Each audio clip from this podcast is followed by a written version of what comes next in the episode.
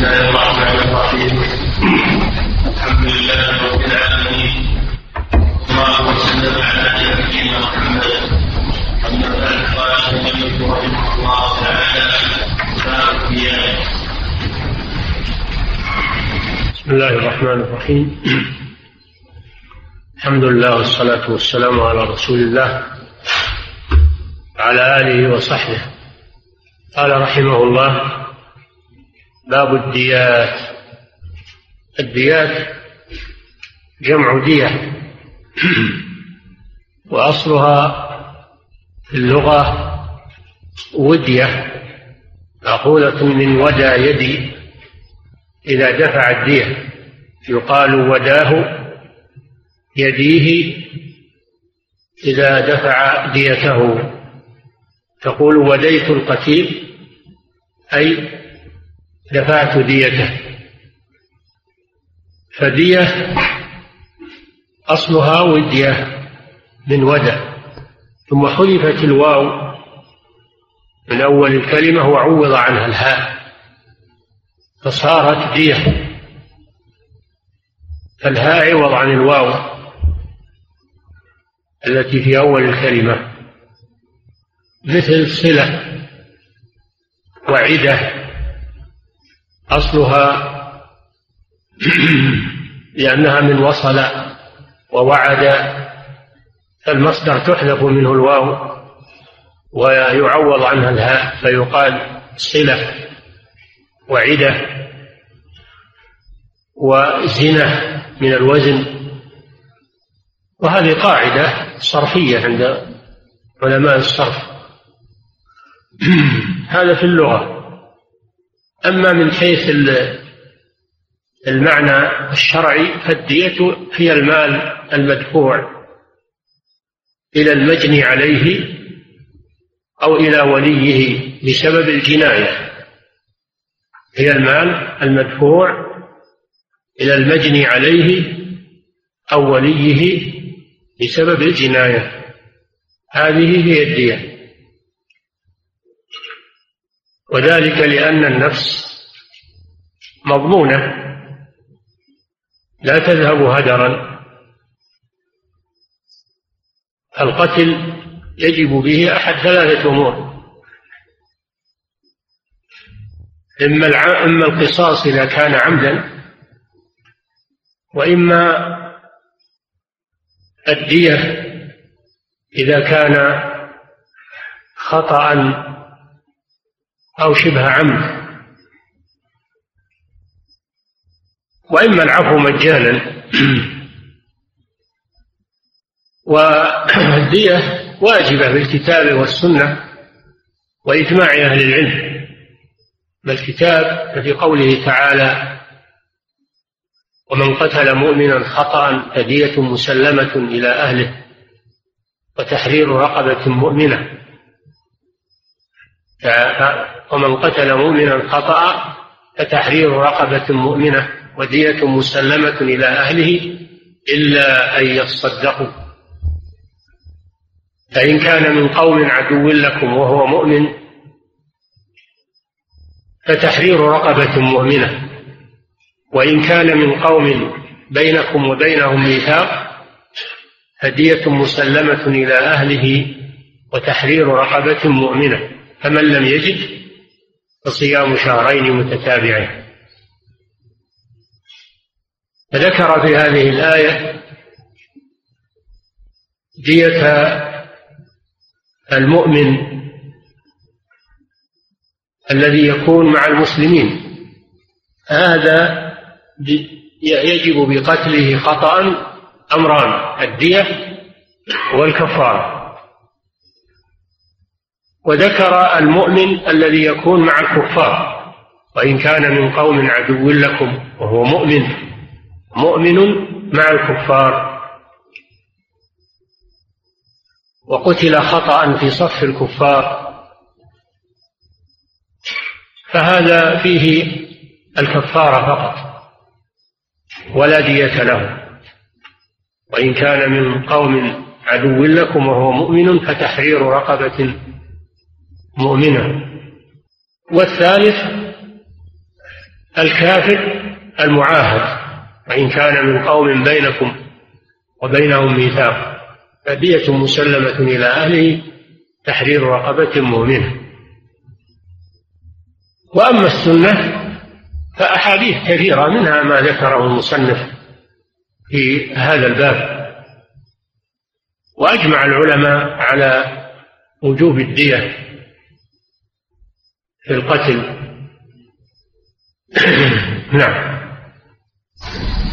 قال سفيان عن ابي بكر بن محمد بن عمرو بن حزم عن ابيه وجده رضي الله عنه أن النبي صلى الله عليه وسلم كتب إلى أهل الجبل نعم. نعم. سبق من اعتبط لا من اعتبط مؤمنا نعم.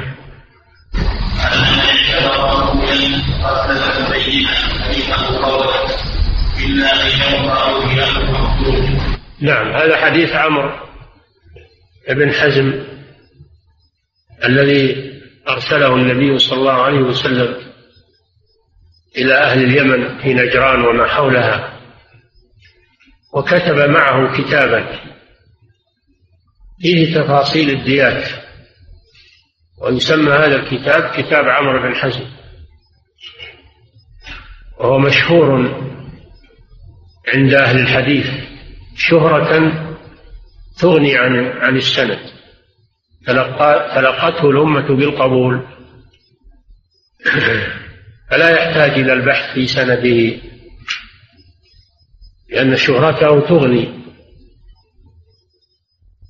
عن البحث في سنده وفيه جمل من الأحكام الشرعية في الديات وفي غيرها.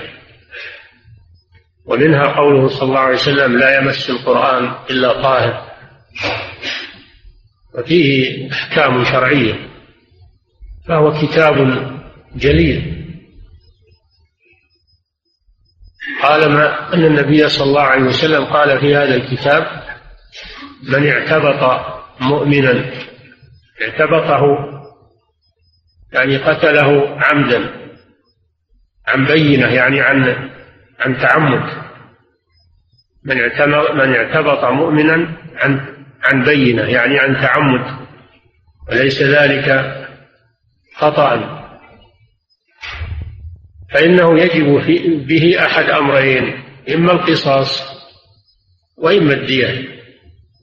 إما القصاص وإما الدية والخيار يكون لأولياء القتيل. إن شاءوا اقتصوا وقتلوا القاتل وإن شاءوا عفوا وأخذوا الدية فهذا فيه دليل على أن القتل العمد يجب به أحد أمرين إما القصاص وإما الدية نعم. وإن نعم. أن النبي صلى الله عليه وسلم كتب إلى أهل فذكر الحديث وفيه أن من القتل فإنه غلط إلا أن نعم.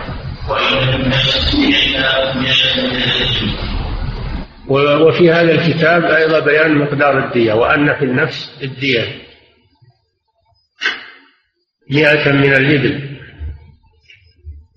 وسيأتي تفصيلها في الأحاديث التي بعده أن هذه المئة تكون منوعة وليست من نوع واحد. وذلك بحسب الجناية إن كانت عمدا أو شبه عمد أو خطأ. فهذه الإبل المئة تنوع كما يأتي. حسب الجناية. واستدل العلماء على أن الأصل في الديات هو الإبل. على أن الأصل في الديات هو الإبل. وهي عددها مئة. وتقوم هذه الإبل في كل وقت بحسبه لأنها آه، تختلف قيامها فتقوم في كل وقت بحسبه.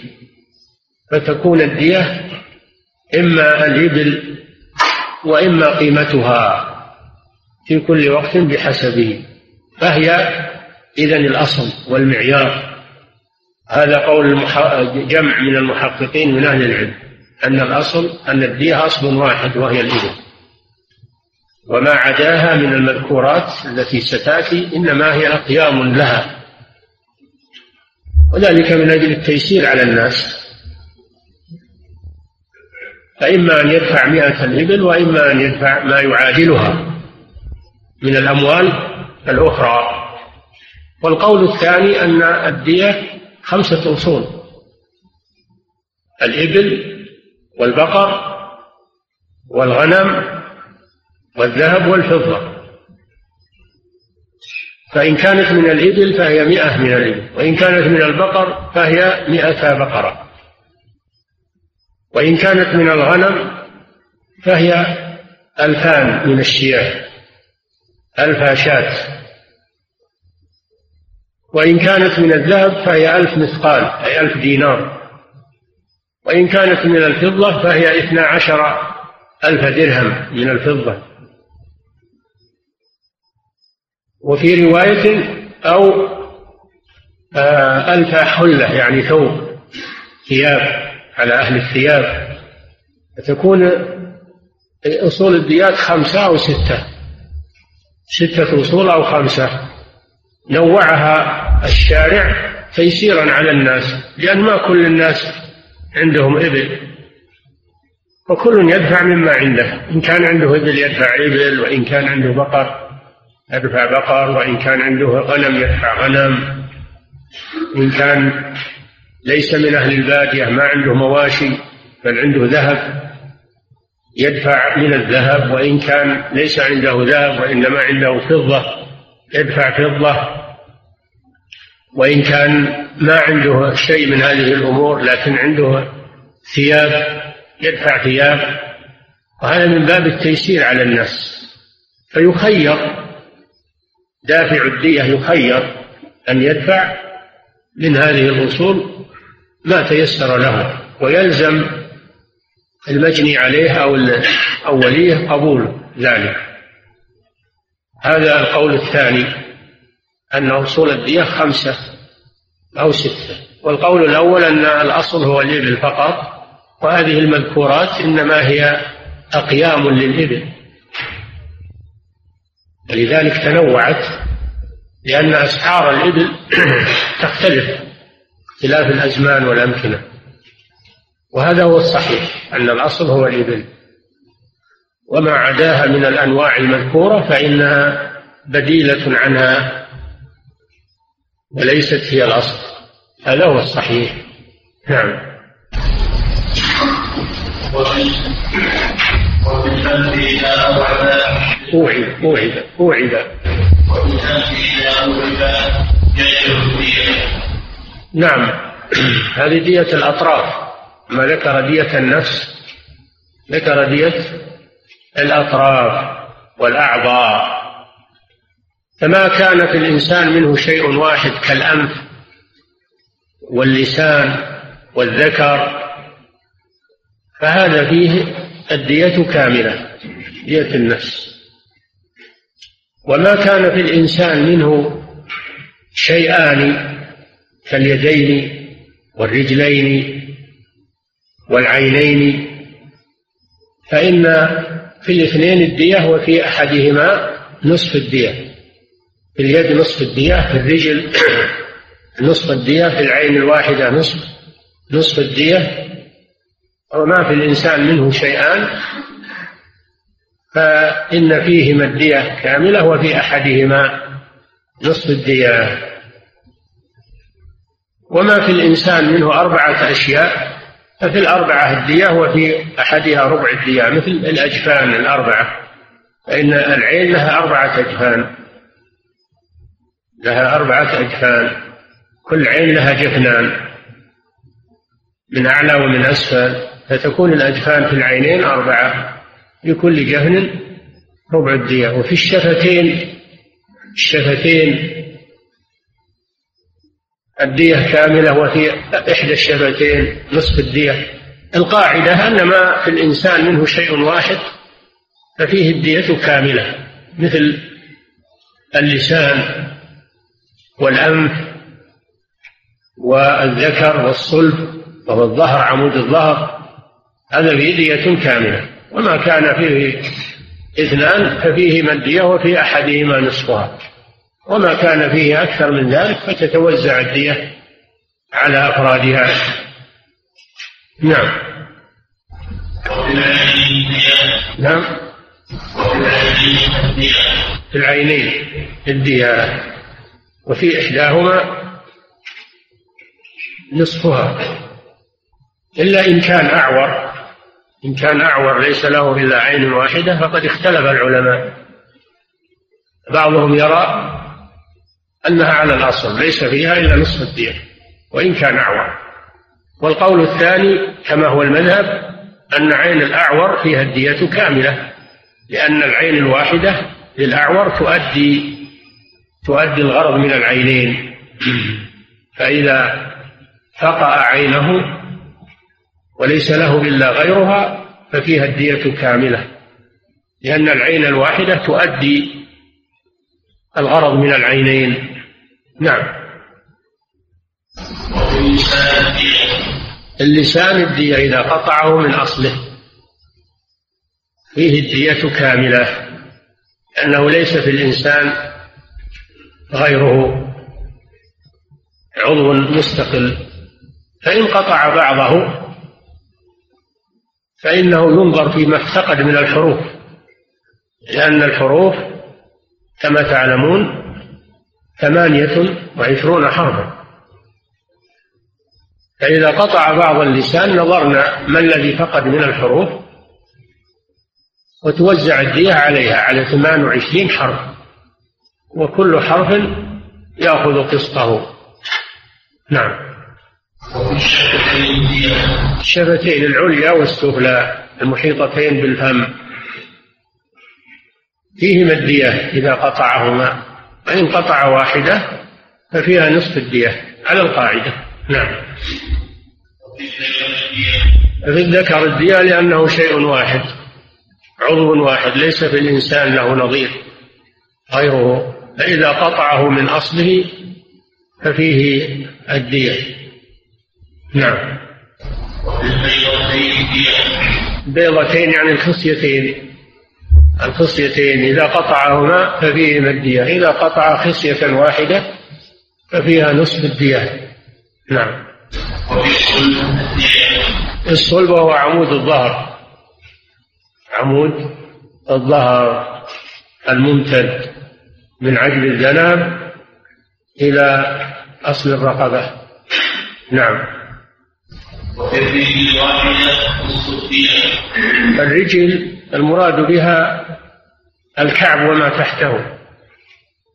فإذا قطع رجله من الكعب ففيها نصف الدية وإذا قطع الرجلين من الكعبين ففيهما الدية أما إن قطع الرجل من من الركبة ففيها الدية وفي الساق حكومة.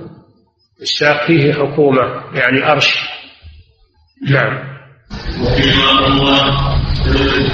هذا بيان ديات آه، الشجاج التي في الرأس. الشجة هي الجرح في الرأس والوجه خاصة وأما الجرح الذي في الجسم فلا يقال له شجة وإنما يقال له جراحة والجروح قصاص. وأما إذا كان الجرح في الرأس أو في الوجه هذا يقال له شجة. والشجاج تختلف. فالموضحة وهي التي توضح العظم ولا تكسره فيها خمس من الإبل. إذا ضربه على رأسه أو على وجهه وظهر العظم هذه يقال لها موضحة؟ فيها خمس من الإبل. فإن هشم العظم هذه يقال لها هاشمة؟ فيها عشر من الإبل. فإن هشمه ونقله انتقلت كسر كسر العظم انتقلت وانفصل بعضها عن بعض. هذه تسمى منقلة فيها خمس عشرة من الإبل. وأما إذا تجاوزت العظم إلى إلى الدماغ إلى أم الدماغ يقال لها مأمومة. إذا وصلت إلى أم الدماغ وهي الجلدة التي تحيط بالدماغ هذه مأمومة فيها ثلث مأمومة أو آمة فيها ثلث الدية. نعم. الجراحة الجائفة وهي التي تصل إلى الجوف فيها ثلث الدية. كما لو طعنه من بطنه فمضت الجراحة إلى جوفه أو من ظهره فمضت الجراحة إلى جوفه. هذه فيها ثلث الدية. وقيل أيضا إذا جرحه من عضو من أعضائه فنفذت الجراحة إلى جوف العضو عضو مجوف فطعنه فيه فمضت الجراحة إلى داخله هذه يقال لها جائفة أيضا. ولكن الراجح أن الجائفة هي ما كانت في الظهر أو في البطن أو في الجنب وتنفذ إلى جوف الإنسان إلى أحشائه هذه هي الجائفة فيها ثلث الدية. نعم. وفي هذه الشجاج قلنا لكم أن المنقلة هي التي تهشم عظم الرأس وتفصل العظام المنكسرة بعضها من بعض. تنقلها. هذه فيها خمس عشرة من الإبل. نعم. وفي كل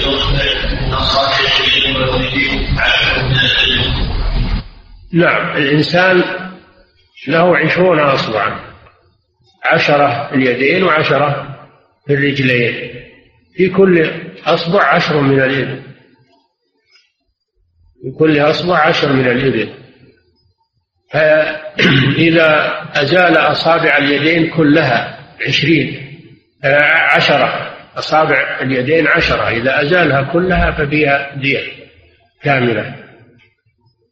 وإذا أزال أصابع الرجلين كلها ففيها الدية كاملة لأن عشرة وفي كل أصبع عشر من الإبل. فإذا قطع أصبعا واحدا ففيه عشر من الإبل. إذا قطع أصبعين عشرين إذا قطع ثلاثة أصابع ثلاثين وهكذا. كل شيء بحسابه.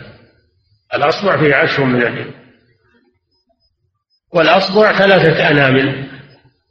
في كل أنملة ثلث عشر الدية. إلا الإبهام فإنه فإنه آه، أنملتان فقط. الإبهام من اليد أو من الرجل ما فيه إلا أنملتان. في كل أنملة خمس من الإبل. هذه دية الأصابع. نعم. ولو أزال أصابع الرجلين واليدين جميعا العشرين فعليه ديتان. دية عن أصابع اليدين ودية عن أصابع الرجلين. نعم. هذه دية الأسنان الإنسان فيه اثنان وثلاثون سنا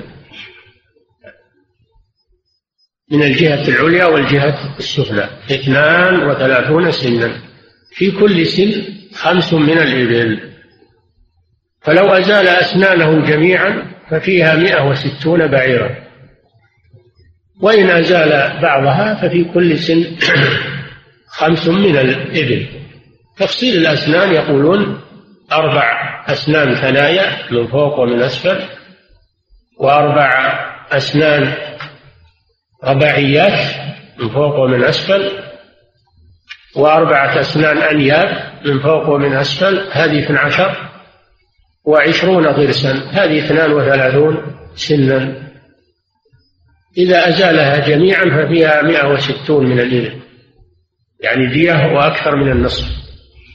وإن أزال سنا واحدا ففيه خمس من الإبل. أزال سنين عشر يزال ثلاثة خمسة عشر وهكذا. نعم. تقدم لنا معرفة الموضحة وهي الشجة التي توضح العظم ولا تكسره. فيها خمس من الإبل. نعم. وإن نعم نعم وإن الرجلان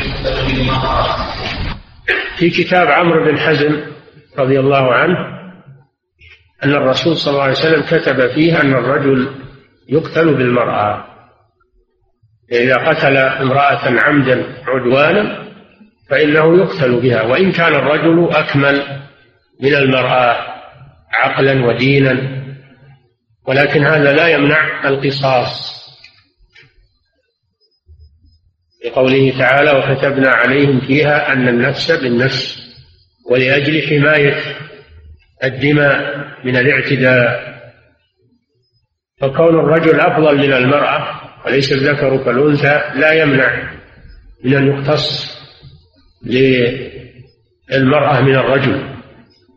كما اقتص النبي صلى الله عليه وسلم من اليهودي الذي قتل جارية رض رأسها بين حجرين كما مر بكم دل على أنه يقتل الذكر بالأنثى. نعم. هذا من أصول الدية على قول أن الذين ما عندهم إبل ولا بقر ولا غنم ولا أن عليهم لكن عندهم ذهب هم أهل ذهب عليهم ألف دينار والدينار مقداره مثقال مقداره وزن مثقال. نعم.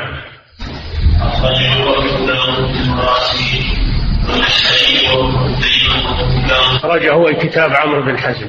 نعم. في المراسيل والمرسل كما تعلمون المرسل هو ما سقط منه الصحابي. إذا رواه التابع عن رسول الله صلى الله عليه وسلم. ومراسيل أبي داود من أجود المراسيل. نعم.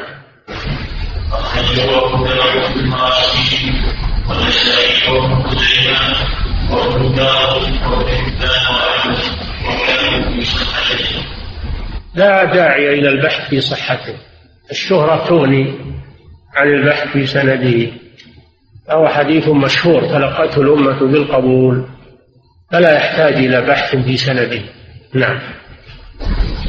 وعن مسعود عن النبي صلى الله عليه وسلم قال يد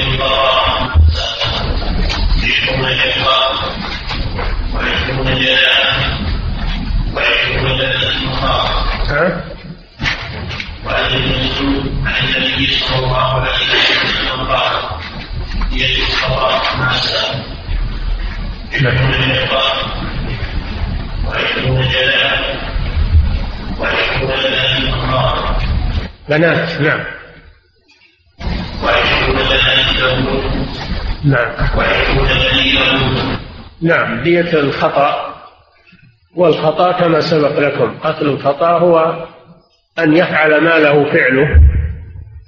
أن يفعل ما له فعله كأن يرمي صيدا أو يرمي غرضا أو يسوق سيارة.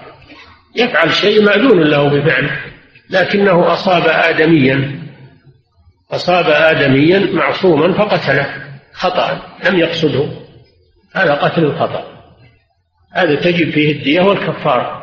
ومن قتل مؤمنا خطأ تحرير رقبة مؤمنة ودية مسلمة إلى أهله. لكن الكفارة تكون عليه وأما الدية فتكون على عاقلته. فدية الخطأ مخففة من ناحيتين بل من ثلاث نواحي. الناحية الأولى أنها على العاقلة وليست على الجاني الناحية الثانية أنها مخففة تجعل أخماس خمسة أصناف من الإبل. والناحية الثالثة أنها تكون مؤجلة ولا تكون دفعة واحدة بل يؤجلها القاضي على العاقلة إلى أن تتسدد فلا يطلب دفعها مرة واحدة. والشاهد عندنا الآن أنها تكون أخماسا يعني خمسة أنواع. عشرون بنت مخاض. وهي ما لها سنة. وعشرون بنت لبون وهي ما لها سنتان. وعشرون حقة وهي ما لها ثلاث سنين. وعشرون جذعة وهي ما لها أربع سنين.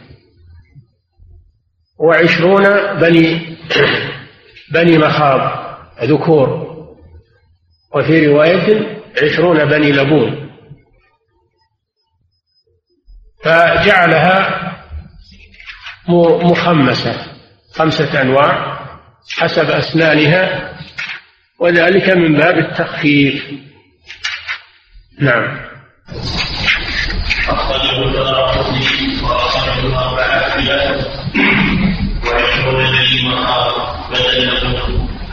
يعني ابن المخاض أصغر من ابن اللبون لأن ابن المخاض ما له سنة. وابن اللبون ما له سنتان والصحيح الرواية الأولى أنه ابن لبون وليس ابن مخاض نعم. أي نعم اللي فيه عشرون ابن لبون أقوى من عشرون ابن مخاض نعم.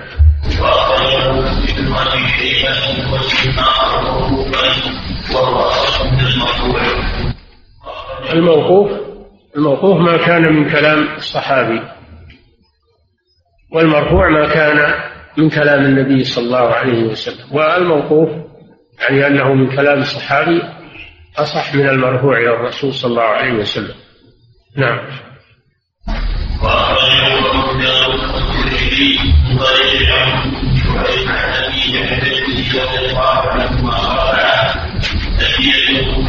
نعم. طريق عمرو بن شعيب عن أبيه عن جده عبد الله بن عمرو بن العاص رضي الله عنهم. نعم.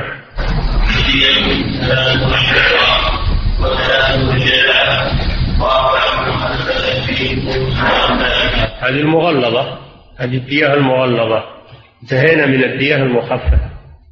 والمغلظة تكون في العمد وفي شبه العمد. تكون في العمد وفي شبه. العمد ثلاثون حقة وثلاثون جذعة وأربعون خليفة في بطون هؤلاء. هذا تغليظ في دية العمد وشبه العمد. جعلها مثلثة. نعم. لا شك أن قيامها تكون أرفع وأكثر. نعم. وعن ابن عمر رضي الله عنهما عن النبي صلى الله عليه وسلم قال إن هذا الناس أخطاء ثلاثة من قتل في حرب الله أو قتل غير قاتله أو قتل نحو الجاهلية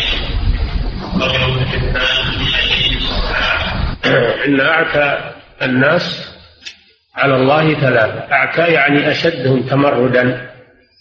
أعتاهم يعني أشدهم تمردا ثلاثة هؤلاء الثلاثة الأول من قتل في حرم الله يعني في الحرم المكي لأن الله حرم الاعتداء في الحرم المكي. والاعتداء حرام في كل مكان لكنه في الحرم المكي أشد.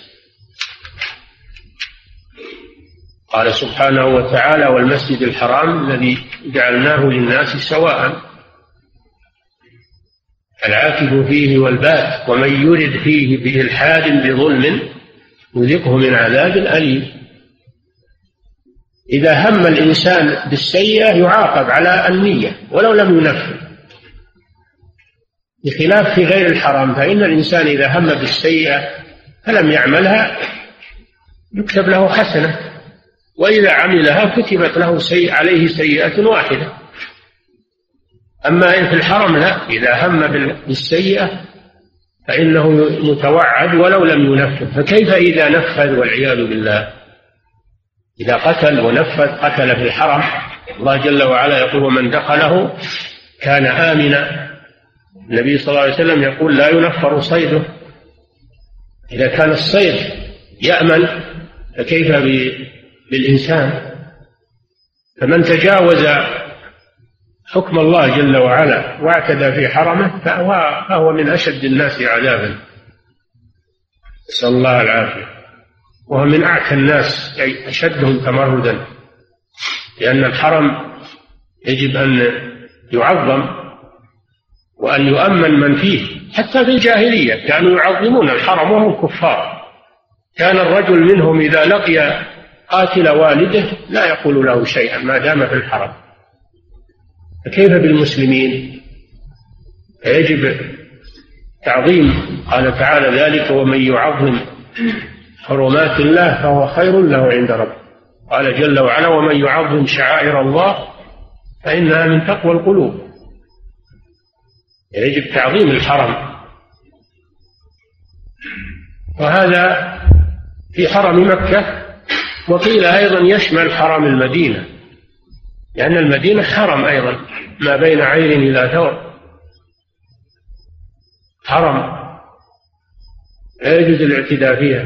قد قال النبي صلى الله عليه وسلم في حرم المدينة من أحدث فيه حدثا أو آوى محدثا فعليه لعنة الله. فعليه لعنة الله والملائكة والناس أجمعين. يشمل هذا حرم المدينة أيضا. نعم. هذا هذا واحد. والثاني نعم. الثاني من قتل غير قاتله لأنهم كانوا في بعض القبائل أو بعض آه، كانوا يأخذون غير القاتل. إذا قتل لهم قتيل فإنهم يقتلون غير قاتله. وهذا ظلم. هذا ظلم. الله جل وعلا يقول ولا تزر وازرة وزر أخرى. لكن من جاهليتهم وعنجهيتهم ولا يزال هذا موجودا في بعض القبائل إلى الآن أنه ما يناظر اللي قتل صاحبه وإنما يقتل أمير القبيلة أو شيخ القبيلة أو المعظم في القبيلة زيادة النكاية.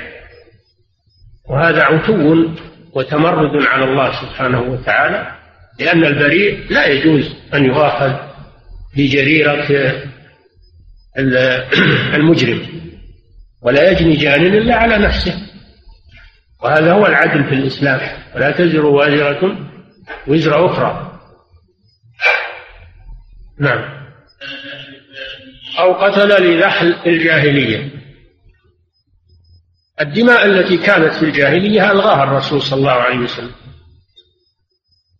فلا يقتل بعد الإسلام بسبب جناية حصلت في الجاهلية. لا يجوز المطالبة بالدماء التي كانت في الجاهلية. تلغى وتهدر إنما يكون المطالبة بعد الإسلام. فإذا حصلت الجناية بعد الإسلام إنه يطالب بها. أما ما حصل في الجاهلية فإنها مهدرة. كما قال صلى الله عليه وسلم إن دماء الجاهلية موضوعة وأول دم أبدأ به دم عمي. نعم.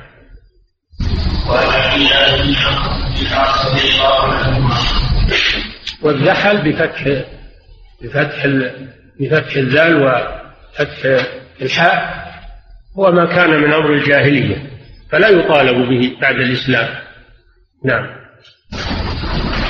وعن بن عمرو رضي الله عنهما رسول الله صلى الله عليه وسلم قال الفقراء بالحمد ما كان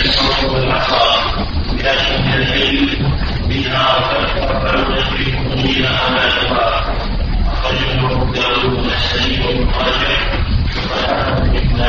عرفنا فيما سبق دية الخطأ وأنها مخمسة. وفي هذا بيان دية العمد. وشبه العمد.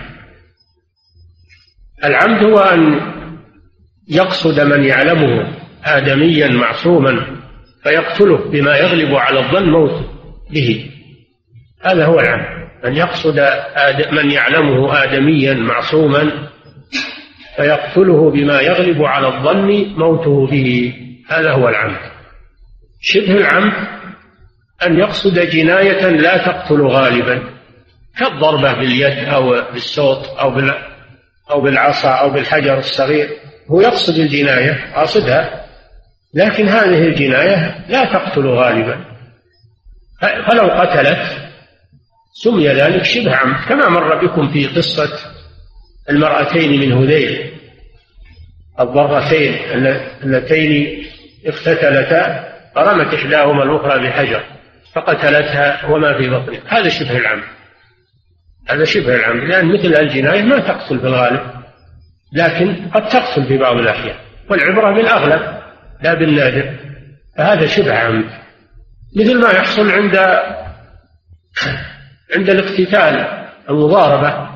ما يحصل عند المضاربة بين الناس إذا حصل مضاربة بالأيدي أو بالعصي مضاربة بالأيدي أو بالعصي أو بالحجارة الصغيرة فنتج عن ذلك موت المضروب هذا لا يسمى عمدا ولا يسمى خطأ بل هو شبه عمد بين الخطأ وبين العمد. هذا ديته مثل دية العمد مثل دية العمد مثلث. ثلاثون شقة وثلاثون جذعة هذه ستون وأربعون خلفة في بطونها أولادها.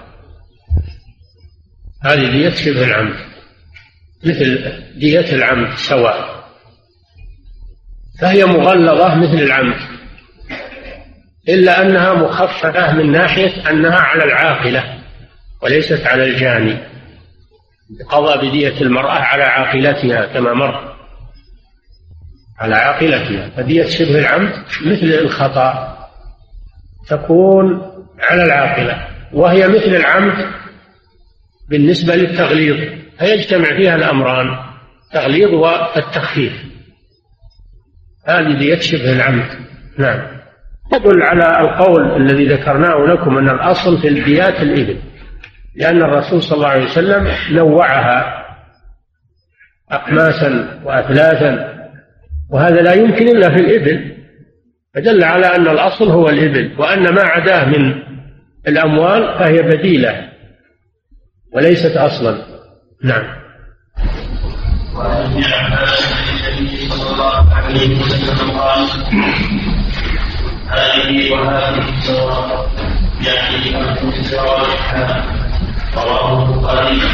يعني يعني يعني كل الأصابع كلها واحد الكبير والصغير. الخنصر هذا أصغر الأصابع. والإبهام هذا أكبر الأصابع. في كل منهما عشر من الإبل دون نظر إلى كبره أو صغره هذه وهذه سواء يعني الخنصر والإبهام. فالأصابع متساوية. في كل منها عشر من الإبل. نعم. نعم. هي الاصابع سواء والاسنان سواء نعم سواء نعم. الأصابع سواء كبيرها وصغيرها والأسنان سواء. في كل منها خمس من الإبل. ثنايا والرباعيات والأضراس آه، الثنايا والرباعيات والأنياب والأضراس سواء وإن كانت مختلفة. فلا ينظر إلى اختلاف حجمها كلها سواء خمس من الإبل في كل واحد. سواء كان ثنية أو رباعية أو آه، نابا أو ضرسا. نعم.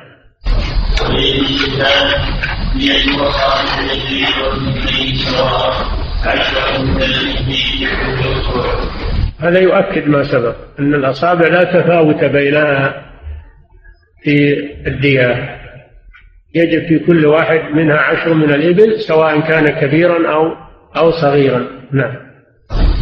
وعن ابي شعيب عن أبي عن النبي رضي الله قال قال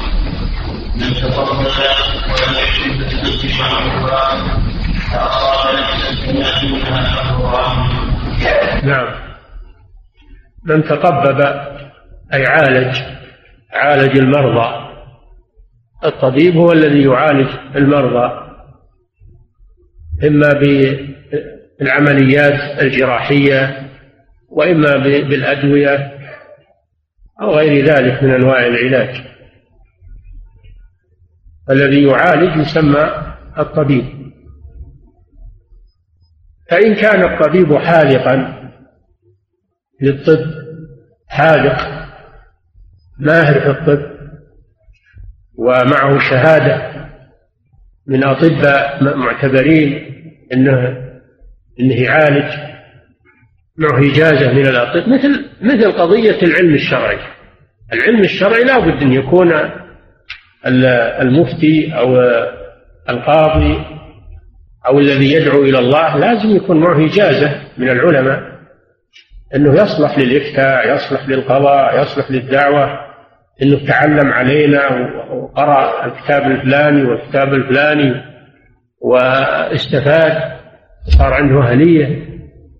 سواء كل هذه الأمور التي تنبني على التعلم سواء شرعية أو غير شرعية. لابد فيها من الإجازة من أهل الخبرة ومن أهلها المعتبرين.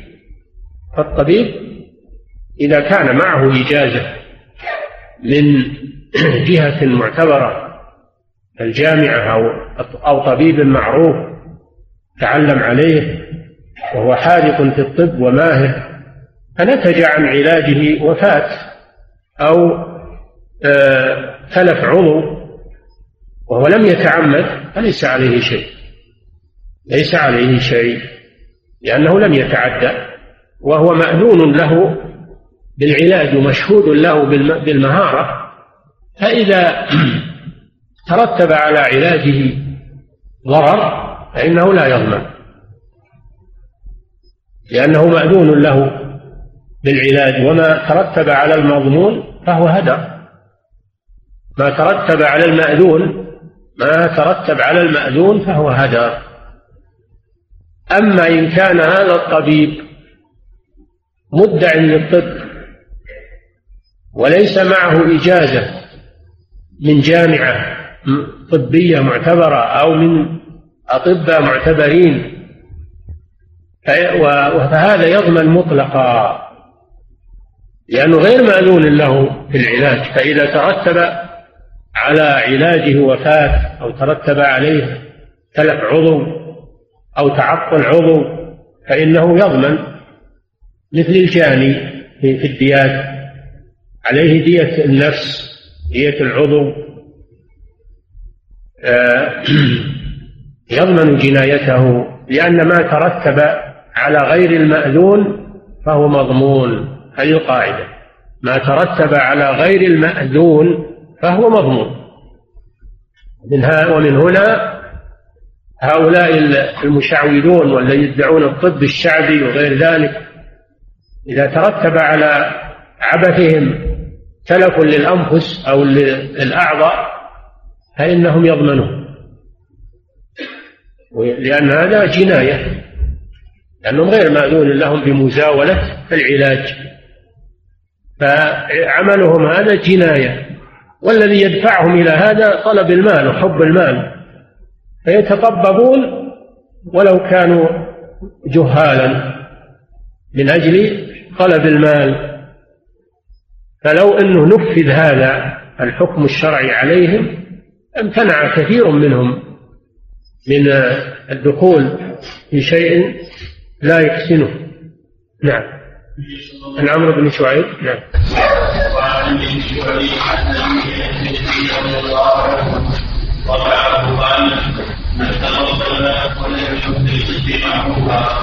فاصاب هو ضامن لأنه جاني يضمن جنايته ودل بمفهومه على أنه إذا كان معروفا بالطب مشهودا له بالصدق والمهارة ولم يتعدى فإنه غير ضامن لأن ما ترتب على المأذون فهو هدر وما ترتب على غير المأذون فهو مضمون إذا كان هذا في الأنفس فكيف بالدين؟ اللي يدعون العلم ويتعالمون ويفتون الناس ويحكمون على أحاديث الرسول صلى الله عليه وسلم لأنها موضوعة أو أو أنها ضعيفة أو أنها وهم جهال بمجرد أنهم طالعوا في كتاب أو قرأوا في كتاب ولم يجلسوا إلى عالم ولم ينتظموا في حلقة تدريس أو في آه، دراسة نظامية ولم يحملوا شهادات من أهل العلم هذا أشد من الطبيب.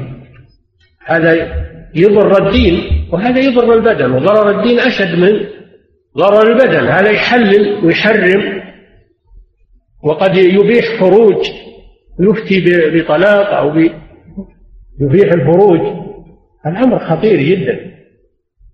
قل هذا حلال وهذا حرام وهذا مباح وهذا. هذا هذا يتكلم عن عن الله عز وجل. إن الله أحل هذا أو إن الله حرم هذا أو إن الله أذن بهذا. هذا أمر خطير. إذا كان الطبيب ال ال ال الذي يدعي الطب وليس بطبيب هذه مسؤوليته. فكيف بالمتعالم الذي لم يتعلم على العلماء؟ غاية ما عنده أنه قرأ في بعض الكتب على نفسه. وكذلك الطبيب المتطبب ما تعلم على الأطباء وإنما قرأ في كتب الطب. قرأ في كتب الطب. وخرج على الناس يقول أنا طبيب. الرسول صلى الله عليه وسلم ضمنه وجعل فعله هذا جناية يضمنها. فكيف بالمتعالم في أمور الدين؟ ولهذا قالوا يفسد العالم أحد أربعة. نصف طبيب هذا يفسد الأبدان. ونصف فقيه هذا يفسد البلدان لأنه يفتي بغير علم. ونصف متكلم أي اللي يدرس علم الكلام وعلم المنطق وهو ما أتقنه. هذا يفسد الأديان. لأنه يعني يتكلم عن العقائد. يتكلم عن العقائد. ونصف نحوي الرابع نصف نحوي. هذا يفسد اللسان. يفسد اللغة. إذا ما أتقن النحو يفسد اللغة. فهؤلاء الأربعة يفسدون الدنيا. نصف طبيب ونصف متفقه ونصف متكلم ونصف نحوي. هذا يفسد الأبدان وهذا يفسد البلدان وهذا يفسد الأديان وهذا يفسد اللسان. نعم.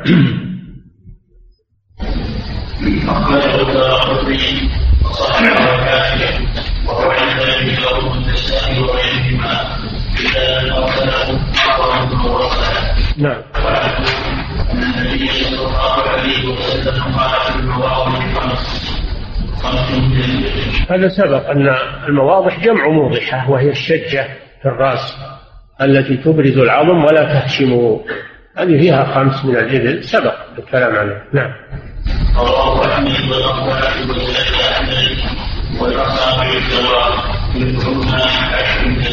هذا سبق أيضا أن الأصابع في كل واحد منها عشر من الإبل دون نظر إلى صغره أو كبره. نعم. نعم. قال رسول الله صلى الله عليه وسلم يكفي. نقف عند هذا نعم. نعم. على الصلاة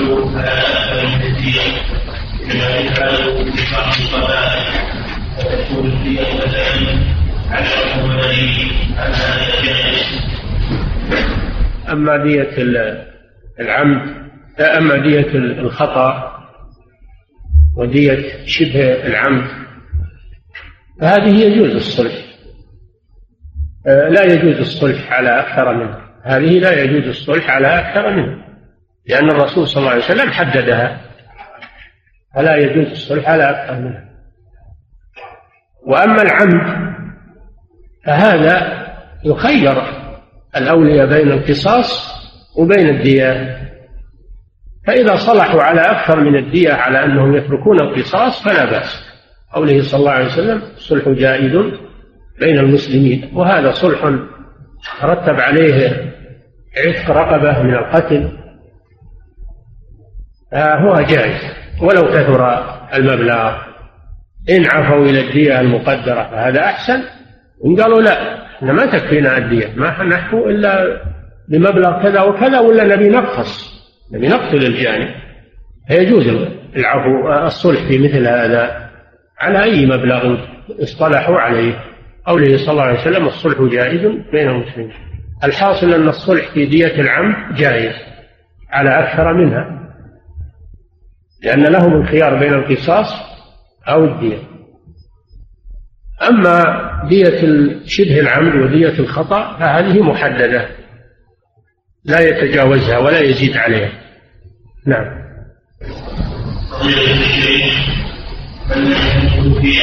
نعم.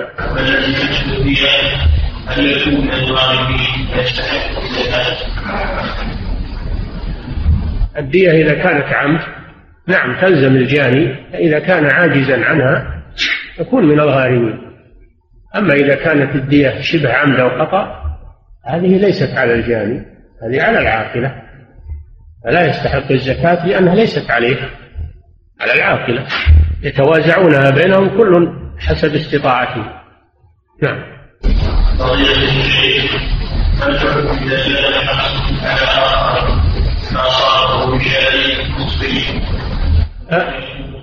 هذا يأتي في دية المنافع يبي يأتي في دية المنافع. إذا عطل منفعة العضو فعليه ديته. إذا عطل منفعة اليد عليه ديتها.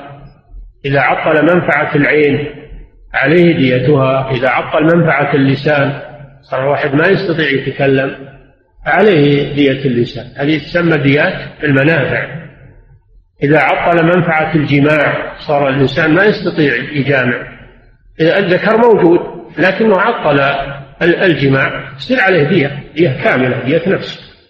هذه دية المنافع. نعم.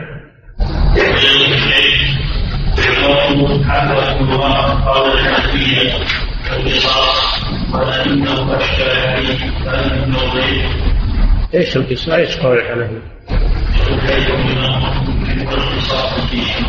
ها؟ الدية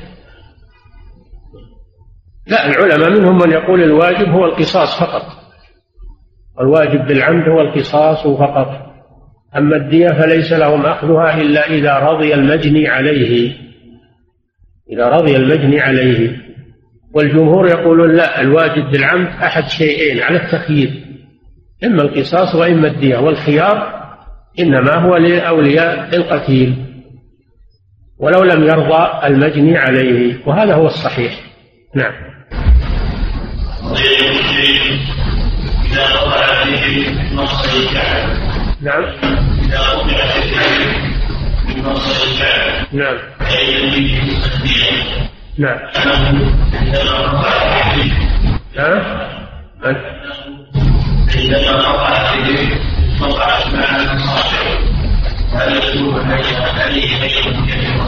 لا تدخل تدخل في الرجل.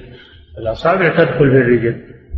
إنما دية الأصابع إذا قطعت الأصابع وحدها وبقيت الرجل. أما إذا قطعت الرجل بأصابعها فيها نصف الدية وتدخل الأصابع فيها.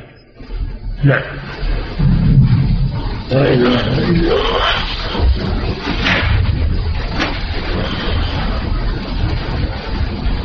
الله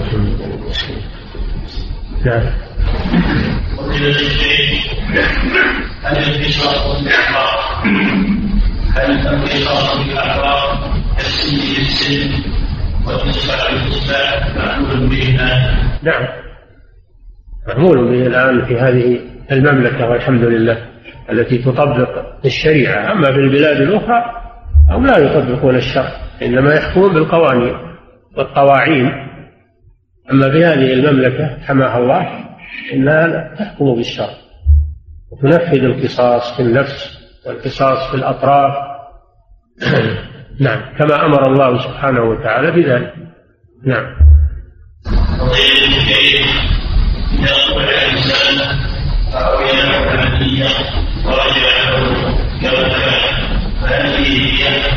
أي نعم فيه الدية لأنه جنى عليه وقطع لسانه ولو أنه عولج بعد ذلك و, و وعاد. هذا لا يسقط الضمان ولا يسقط ولا يسقط القصاص. نعم. ما تعطل الحدود من أجل هذا. نعم. الذي سمعه نعم. الطبيب الذي سمعه وجاهه والكبرى نعم لو تسلم في حكم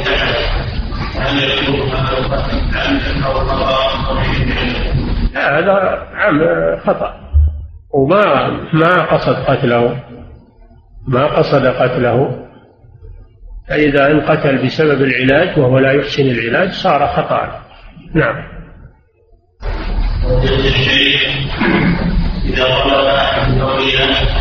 أما إذا قصد القتل فإنه فإن هذا عمد سواء كان حاذقا أو غير حاذق. إذا قصد العمد صار قاتلا عمدا. ولو كان طبيبا حاذقا. نعم. لو سقاه سما أو أعطاه دواء قاتلا متعمدا يريد قتله حتى ولو كان حاذقا فإنه يعتبر قتل عمد يقتص منه. نعم.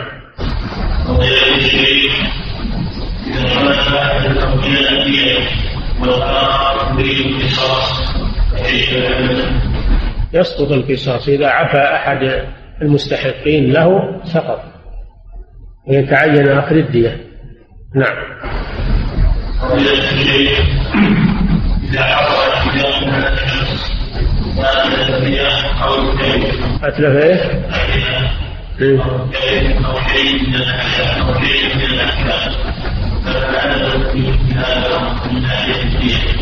هذا ما ورد فيه دليل لكن هذا يعرض على الأطباء ويقدر فيه يقدر فيه الأرش يقدر فيه الأرش وهو قيمة هذا المتلف. نعم.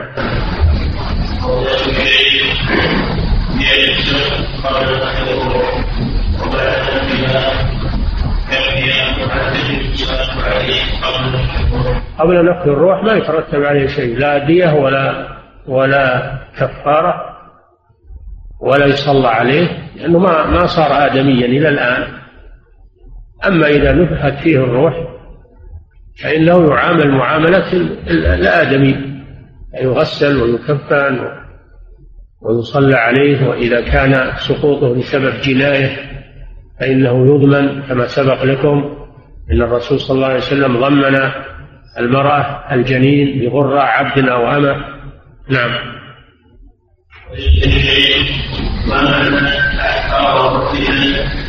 أو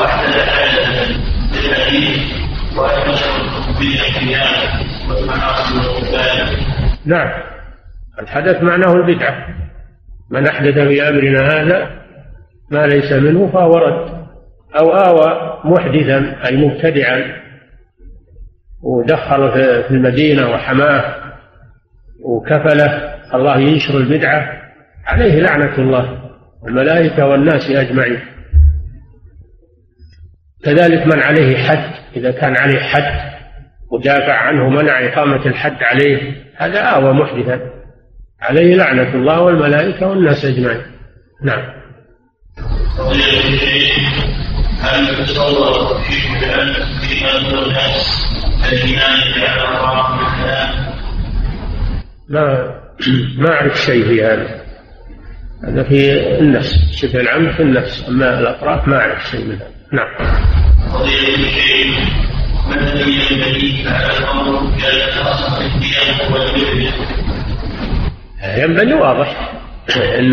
انه ما فيه غير الإبل وتثمن الإبل في كل زمان بحسبه. ولا فيه تخيير ما فيه تخيير. الإبل أو قيمتها في كل زمان بحسب ولا تخيير. أما على القول بأن الاصول خمسة أو ستة فيخير بينها. فما دفع منها يلزم المجني عليها أو ولي قبوله نعم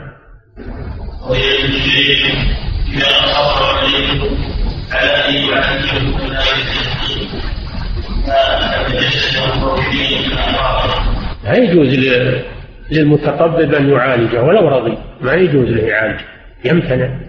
ولو رضي المريض. فإن عالجه وهو لا يحسن العلاج فإنه يضمن ولو كان المريض راضيا. لأنه ليس للمريض أن يهدر نفسه أو دمه. نعم.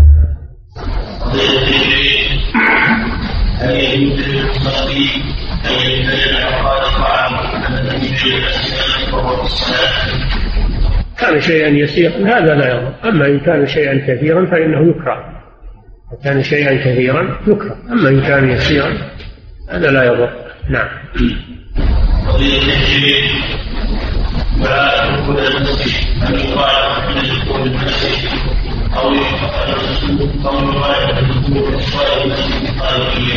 نعم دخول المسجد عند السور الخارجي. إذا قدم رجله اليمنى من الباب الخارجي قد دخل المسجد فيأتي بالذكر. نعم.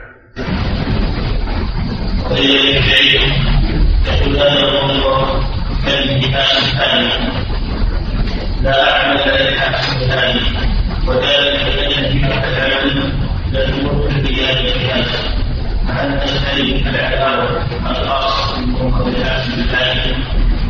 على حسب رضا الجهة التي تعمل عندها. إذا رضيت بها لم يخالف نعم. قضية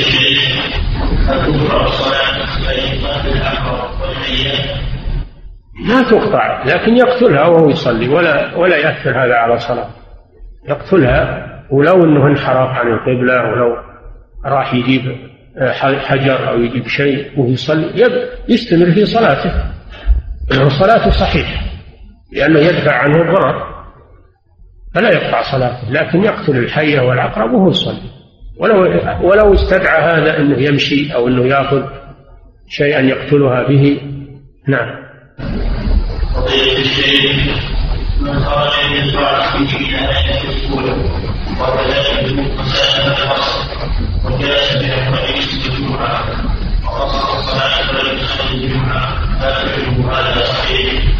إن كان عنده جمعة يصلي الجمعة مع الناس. إن كان ما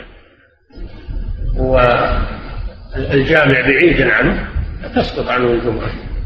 كذلك يقصر الصلاة إذا كان المزرعة ما هي محل سكن. وإنما هي مجرد ديار مثلا.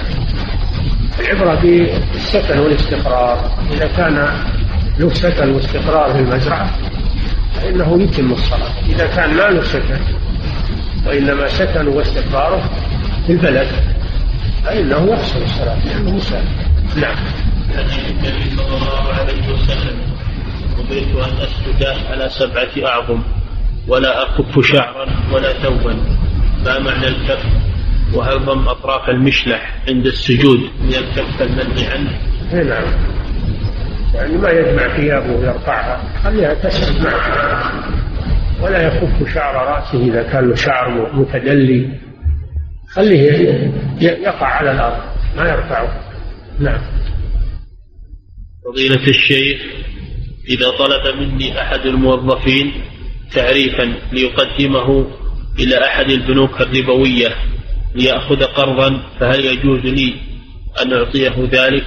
لا لا يجوز لك هذا لأن القرض الربوي حرام وسحت إذا أعطيته تعريفا فقد أعنته على أكل الربا. قد لعن النبي صلى الله عليه وسلم آكل الربا وموكله وشاهديه وكاتبه فإعطائك تعريف له هذه شهادة شهادة على أكل الربا تدخل في اللعنة. نعم. فضيلة الشيخ كيف أدفع بالتي هي أحسن مع شخص آذاني بالغيبة والكلام في عرضي وقد أتى معتذرا؟ هذا معتذر الحمد لله اقبل اعتذاره. وإذا كان لم يعتذر واستمر عليك بالصفح والعفو اعفو عنه واصبر. ويكون الإثم عليه هو وأن تكسب حسنات. نعم. فضيلة الشيخ امرأة صلت وقالت في السجود سبحان ربي العظيم ولم تسجد للسهو فهل تعيد الصلاة؟ لا كان يجب كان يجب عليها سجود السهو عند فضيلة الشيخ المرأة وهي في الشهر الأخير من الولادة هل عليها الجلوس أم الوقوف للصلاة؟ صلاة الفريضة أما إذا كانت لا تستطيع الوقوف بسبب الحمل؟ فإنها تصلي جالسة قوله تعالى فاتقوا الله ما استطعتم. قوله صلى الله عليه وسلم صلي المريض قائما فإن لم يستطع فقاعدا فإن لم يستطع فعلى جنب. هذا على حسب الاستطاعة. نعم. فضيلة الشيخ رجل محرم استمنى فأنزل فهل عليه شيء؟ هذا يعتبر خطأ يعتبر ذنبا. قوله تعالى فمن فرض فيهن الحج فلا رفث ولا فسوق وهذا من الرفث معصية. فعليه التوبة إلى الله سبحانه وتعالى وعليه فدية عليه فدية. وهي ذبح شاة في مكة يوزعها على فقراء الحرم. نعم. وحج وحجه صحيح إن شاء الله. نعم. فضيلة الشيخ ما حكم فعل من يذبح؟ لأجل فوز فريق الرياضي وما حكم إجابة الدعوة لمثل هذه. هذا لا يجوز هذا ضياع للمال بالباطل وأكل للمال بالباطل. الذبح على فوز الفريق الرياضي هذا لا يجوز لأنه آه، ذهاب للمال بالباطل وتشجيع على لهو ولعب. فلا يجوز له هذا وأنت لا يجوز لك حضور هذا الشيء. نعم. فضيلة الشيخ ما حكم من يدرس العلم الشرعي بنية التعلم مع قصد الوظيفة لكسب الرزق؟ هذا حكمه عند الله سبحانه وتعالى. يكون ليس له أجر ومتوعد بالوعيد من كان يريد الحياة الدنيا وزينتها. هذا في الذين يطلبون الدنيا بأمور الآخرة. يتعلمون العلم الشرعي من أجل الوظيفة يشملهم هذا الوعيد. لكن باب التوبة مفتوح. توب إلى الله ويخلص النية من تاب تاب الله عليه. نعم. فضيلة الشيخ هل يدخل في قوله تعالى في مصارف الزكاة وفي الرقاب من عليه دية أم أنها خاصة في إعتاق العبيد؟ لا يدخل في الغارمين في الرقاب هذا خاص بالعبيد والأسرى من المسلمين. العبيد اعتاق العبيد وتخليص الأسرى من المسلمين. هذا في الرقاب أما آه هذا السائل يدخل في الغارمين. والغارم ينقسم إلى قسمين غارم لنفسه وغارم لغيره لإصلاح ذات البيت. فهذا يعتبر من الغارم لنفسه يعطى من الزكاة. إذا كان لا يستطيع تسديد هذا المال الذي وجب عليه فهو غارم لنفسه. نعم. فضيلة الشيخ ما حكم هذه الأسماء؟ ضيف الله وجار الله. لا بأس. لا بأس بذلك. نعم. فضيلة الشيخ رجل صلى في الصف الأول خلف السياج هل فعله هذا صحيح؟ نعم. رجل صلى في الصف الأول خلف السياج فهل فعله صحيح؟ يعني كل الصف الأول خلف السياج ولا هو الحال ولا وش؟ يقصد المسجد لعله نعم. يقصد مسجدنا هذا يا شيخ. إيه لكن الصف كله خلف السياج ولا دون السياج؟ يقول رجل صلى. يجوز أن يكون الصف خلف السياج ويكون خلف جدار ما يخالف. ما دام في المسجد يجوز أن يصفوا خلف جدار أو خلف سياج. لأن الصحابة كانوا يصلون خلف النبي صلى الله عليه وسلم وهو في داخل وهو في داخل الحصير الذي جعله ساترا بينه وبين الناس. كانوا يصلون خلفه وبينهم الحصير. الحائل بين الإمام والمأموم في المسجد لا يضر ولا يؤثر. نعم. فضيلة الشيخ نسمع أحيانا أن الجاني يسجن لفترة من الزمن. أن؟ أن الجاني نعم. يسجن لفترة فترة من الزمن. تصل إلى خمسة عشر سنة حتى يبلغ أحد الورثة الحلم فمتى تكون هذه الحالة؟ هذا راجع إلى ولاة الأمور. إذا صار عليه قصاص وأولياء القصاص منهم صغار فإنه يحبس حتى يبلغ القاصد ويطالب بالقصاص لئلا يهرب ويضيع حق أولياء القتيل عليه. فيمسكه الحاكم ويحبسه. إلا أن يقدم كفيلا. أن يقدم كفيلا وهذا ما هو القصاص أيضا ما يدخله الكفيل. ما يصلح فيه الكفيل أنه ما يقتص من الكفيل لو لو تعذر أخذه من الكفيل إنما يكون في الأموال. أما القصاص والحدود هذه لا يدخلها كفالة. إذا يتعين سجنه. تعين سجنه قد سجن معاوية رضي الله عنه هدبة بن خشرم حتى بلغ أولياء القتيل فاقتصوا منه. نعم. فضيلة الشيخ نحن طلاب علم عندما نذهب إلى بلادنا ندعو إلى الله. فهل يجوز فعلنا هذا؟ نعم طيب تدعون إلى الله بحسب ما تعلم ما تعلمون وما تعرفون حسب معرفتكم. ولا تتجاوزوا ما تعلمونه. all